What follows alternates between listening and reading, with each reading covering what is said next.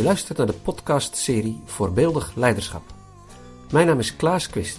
Via mijn eigen praktijk, ministraren, begeleid ik leidinggevenden en teams bij vraagstukken die te maken hebben met leiderschap. Mijn werkvelden zijn kerk en werk. In deze aflevering condities creëren.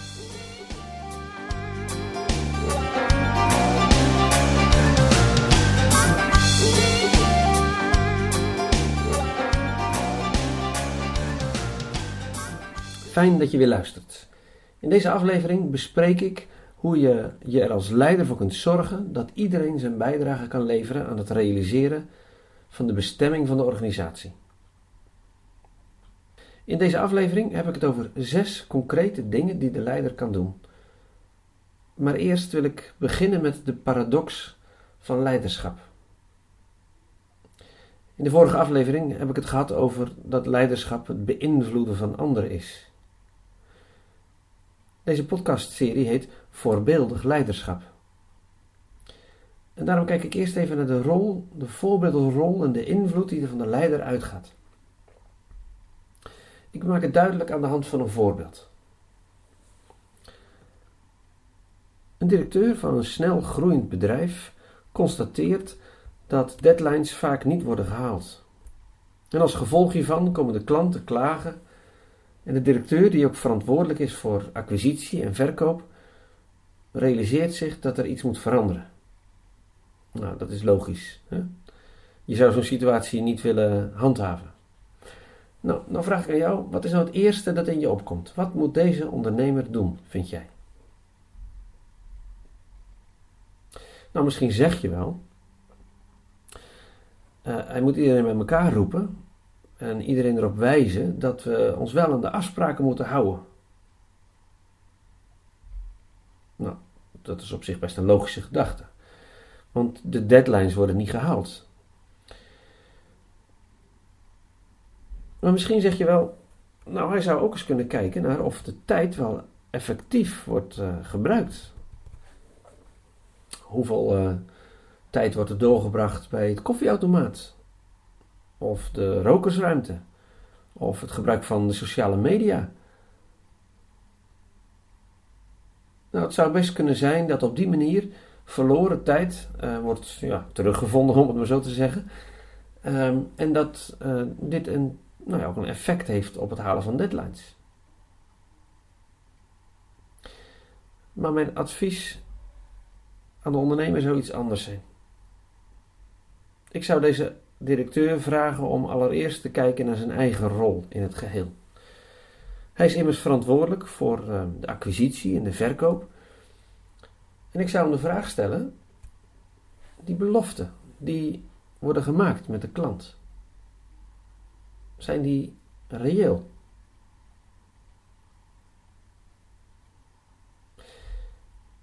Wat ik namelijk merk, wat ik zie, is dat leiders de neiging hebben om aan de verkeerde kant te beginnen. ze willen anderen veranderen, ze willen anderen meenemen en ze vergeten de invloed die hieruit gaat van hun keuzes en hun voorbeeld.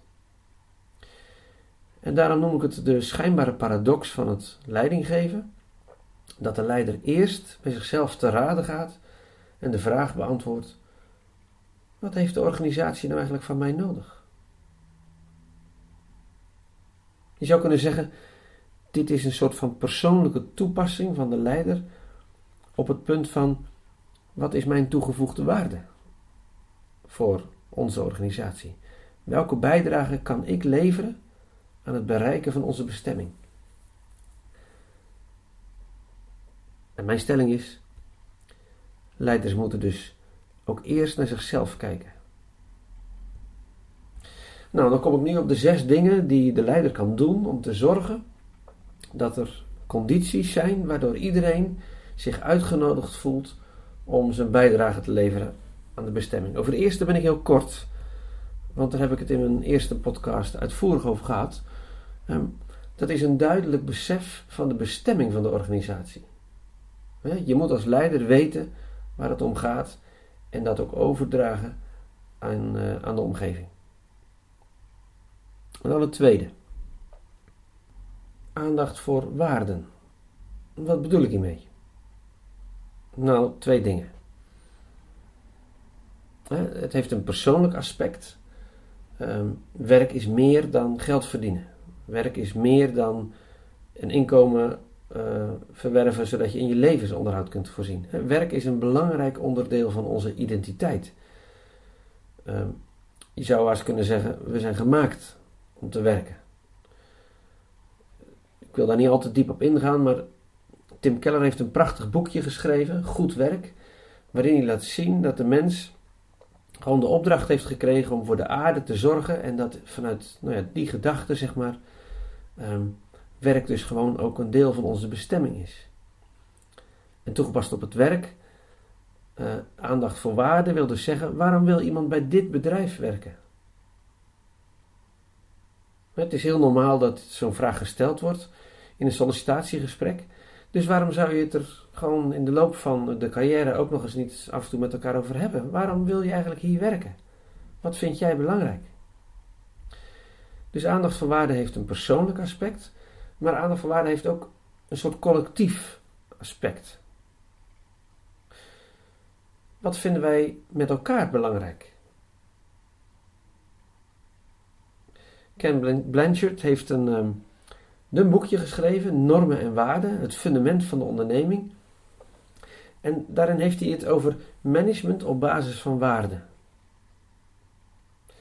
En ik herken dat wel, ook in mijn eigen praktijk van gesprekken voeren met ondernemers.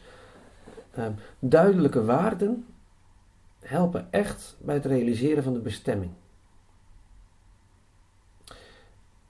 En dan gaat het eigenlijk om de praktische toepassing daarvan. En dat kun je niet alleen uh, toepassen in uh, het werk, op het werk, maar ook in de kerk. Zo was ik uh, een tijdje terug opnieuw bij een, bij een kerk die ik een aantal jaren geleden had begeleid in een soort visietraject. En ze hadden voor zichzelf waarden gedefinieerd die voor hen belangrijk waren. En toen ik er onlangs sprak, vertelden ze me hoe die waarden die ze toen hadden gevonden, hun hebben geholpen bij het maken van keuzes. Dus het tweede wat ondernemers kunnen doen, is aandacht voor persoonlijke en gezamenlijke waarden. Het derde, vrijheid en verantwoordelijkheid. Wat kan een leidinggevende daar nou mee doen? Nou, uit het vraag-controle-model van Karasek blijkt dat er een verband is tussen stress die mensen ervaren en de eisen die worden gesteld aan hun werk en de mogelijkheid die de werknemer heeft om zelf zijn eigen keuzes te maken. Wat blijkt? De vrijheid die iemand heeft om zelfstandig keuzes te maken werkt als een soort buffer tegen stress. Zo hebben ze ontdekt dat medewerkers met weinig ruimte voor eigen keuzes uh, eerder een hoge bloeddruk hebben, in vergelijking tot medewerkers die meer ruimte hebben maken voor het maken van eigen keuzes. je zou kunnen zeggen, vrijheid um, en een stukje eigen verantwoordelijkheid om keuzes te maken, um, verkleint het risico op werkstress en op gezondheids klachten. Nou, ik hoor je denken, wat heeft het dan te maken met condities creëren? Nou, die vrijheid die mensen krijgen om hun eigen keuzes te maken, maakt dat de betrokkenheid op de organisatie groter wordt. Regels en procedures zijn eerder een staande weg. Ze leiden ertoe dat, mensen zich ja, minder betrokken voelen bij de organisatie. Uh, eind 2018 besloot bijvoorbeeld de minister uh, van uh, Volksgezondheid dat de verplichte 5 minuten registratie voor de wijkverpleging wordt afgeschaft.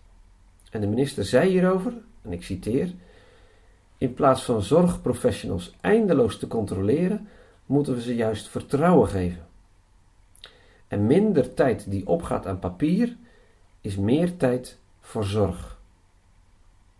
Oftewel, Geef je mensen verantwoordelijkheid, vertrouw ze en laat ze in vrijheid ook hun eigen werk ehm, indelen.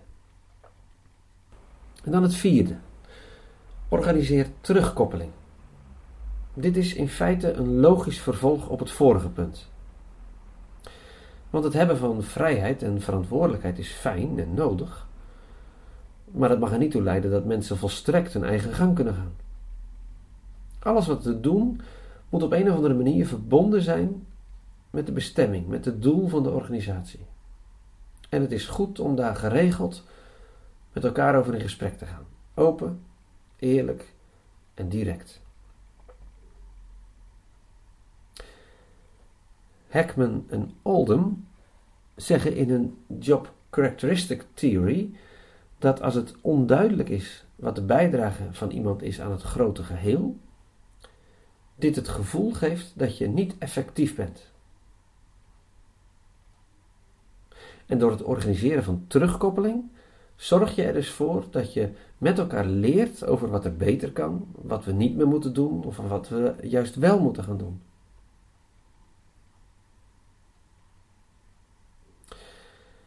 Het open, eerlijk en direct bespreken van activiteiten en resultaten is nog niet zo makkelijk.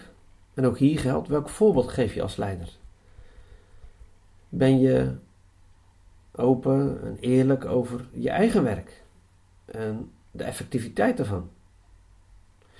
Zo'n terugkoppeling organiseren is echt iets anders dan uh, op maandagmorgen zeggen dat uh, het toch echt beter moet dan de vorige week.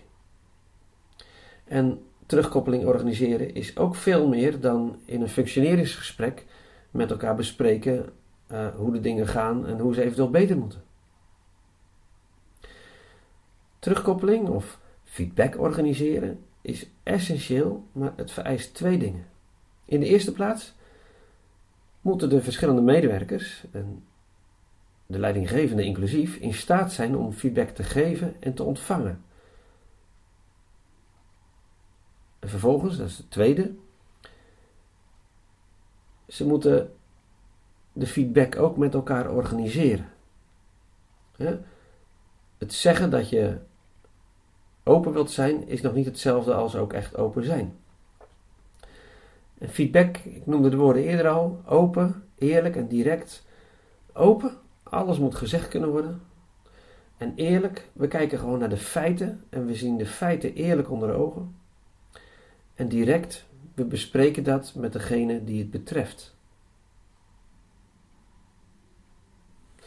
En zo kom ik op het vijfde punt. Het vijfde dat de leider kan doen als het gaat om het creëren van condities. Ik noem dat erkenning en respect geven. Ja, dat heeft te maken, worden, te maken met uh, gezien worden, met gewaardeerd worden. Gezien in de kwaliteiten, wat iemand toevoegt aan de organisatie, de kennis, de vaardigheden, uh, de nieuwe ideeën maar zeker ook in het mens zijn. mensen zijn ook veel eerder geneigd om een baan op te zeggen als ze niet gezien en niet gewaardeerd worden. En zo blijkt wel hoe belangrijk het is om gewoon een stuk erkenning te krijgen en om gerespecteerd te worden binnen de organisatie. Wat je bijdrage ook is. Ehm, het is belangrijk dat je het gevoel hebt dat je gewoon als mens gezien wordt. En als dat ontbreekt, als leiders geen erkenning, geen respect geven of te weinig, dan ehm, voelt dat voor een medewerker alsof je een soort instrument bent. En Wessel Ganzenvoort gaat zelfs nog iets verder. Die zegt, ja, dan val je eigenlijk ten prooi aan de manipulatie van het leiderschap, want je wordt gebruikt. Daar ben je goed genoeg voor. Het geven van erkenning en respect geeft mensen dus de ruimte om zichzelf te zijn. Om te leren. Om hun eigen inzichten in te brengen. Om een aanvulling te zijn voor anderen. En zo zie je dat het eigenlijk ook weer aansluit bij uh, het geven van vrijheid en verantwoordelijkheid. En dan tenslotte het zesde. Wat leiders kunnen doen. Ik noem het veiligheid. Hoe pijnlijk is het als leiders er niet voor hun mensen zijn? Als, als fouten van de organisatie worden afgewenteld op personen. Ik las in uh, Good to Great van Jim Collins dat hij zegt dat uh, succesvolle leiders door het raam kijken als er successen zijn geboekt, in plaats van in de spiegel. ze geven de erkenning, daar heb je het weer, aan anderen. Maar bij slechte resultaten kijken ze in de spiegel, in plaats van door het raam. als de resultaten tegenvallen, dan leggen ze de verantwoordelijkheid eerst bij zichzelf en niet bij anderen. Dus veiligheid bedoel ik hier als een soort van psychologische zekerheid. Dat je beschermd wordt, dat je niet bedreigd wordt of gebruikt. Nee, er wordt zorgvuldig met je omgegaan, ook als je kritiek levert. En natuurlijk, veiligheid heeft ook te maken met een stukje fysieke veiligheid. Eh, zorgen dat er goed gereedschap is, of zorgen dat er gewoon een, veilige werksfeer is. Dat er geen sprake kan zijn van, uh, ja, MeToo-achtige dingen of zo. dat er niet geroddeld wordt. Dat mensen uh, niet weggepest worden. Dat heeft ook alles te maken met veiligheid. Een mooi voorbeeld van veiligheid en hoe ermee omgegaan wordt door het leiderschap vind ik terug in het Bijbelverhaal uit Handelingen 6. Er gaat in de gemeente van alles mis. Uh, er worden elke dag uh, maaltijden uitgedeeld. En uh, ja, de Griekstalige weduwen, die worden bij die maaltijden achtergesteld ten opzichte van de Joodse weduwen. En als dat tegen de leiders van die gemeente uit Jeruzalem wordt gezegd, dan roepen ze de gemeenschap direct bij elkaar en zeggen ze: Het is niet goed, wij hebben iets fout gedaan. En wij moeten niet langer zorg dragen voor de maaltijden. Er gaat door van alles mis. En bovendien, wij komen eigenlijk ook niet toe aan onze kerntaken. Dus de leiders die nemen hun verantwoordelijkheid, die schuiven ze niet af op anderen. En ze verwijten het anderen ook niet. Nee, ze verwijten het zichzelf. En ze doen een voorstel om het anders te doen. En ik weet niet hoe, je, hoe vertrouwd je bent met verhalen uit de Bijbel. Maar de namen die dan genoemd worden, als degene die dan die maaltijden voortaan moeten doen, dat zijn stuk voor stuk Griekse namen. De Griekse vrouwen werden achtergesteld en Griekse leden van de gemeenschap van Jeruzalem mogen het probleem oplossen. Degenen die terecht hadden geklaagd, worden niet tegengesproken, maar ze krijgen een stuk verantwoordelijkheid. Dus in die gemeenschap was veiligheid. Je durfde dingen te zeggen. En uh, nou, ik, ik vind het een prachtig voorbeeld wat ik al zei. Want het effect op die gemeenschap was dat, dat ze groeide als kool. Er werd naar elkaar gekeken en het ging, uh, het ging heel goed. Ik rond af. En vat nog even samen. Welke condities moeten door leiders worden gecreëerd? In de eerste plaats een sterk besef van de bestemming. Welke functie vervult de organisatie voor de omgeving? Dat moet bij iedereen helder zijn en de leider moet dat uitdragen. In de tweede plaats aandacht voor waarde. Wat vindt ieder persoonlijk en wat vinden we samen belangrijk? In de derde plaats, geef mensen vrijheid en verantwoordelijkheid. Je zou het ook wel autonomie kunnen noemen. En het vierde, organiseer feedback. Feedback op elkaar, tussen de leden van de organisatie en de omgeving. Uh, en zorg dat je leert van elkaar. Dat je een lerende organisatie bent. Het vijfde, erkenning en respect. Zorg dat de mensen zich gewaardeerd voelen en gezien voelen. En als laatste, veiligheid. Bescherm mensen tegen de aantasting van hun persoon, hun integriteit en de bijdrage die ze leveren aan de organisatie. Zie mensen als heel en kom voor ze op als ze het moeilijk hebben. In de volgende podcast ga ik verder met leiderschapsstijlen en de invloeden die harmonie en charisma hebben op de groep.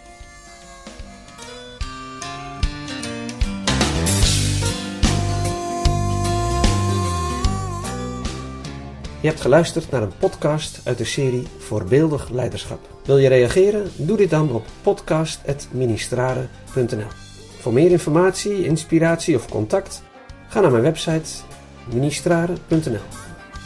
Ik dank je voor het luisteren en graag tot een volgende keer.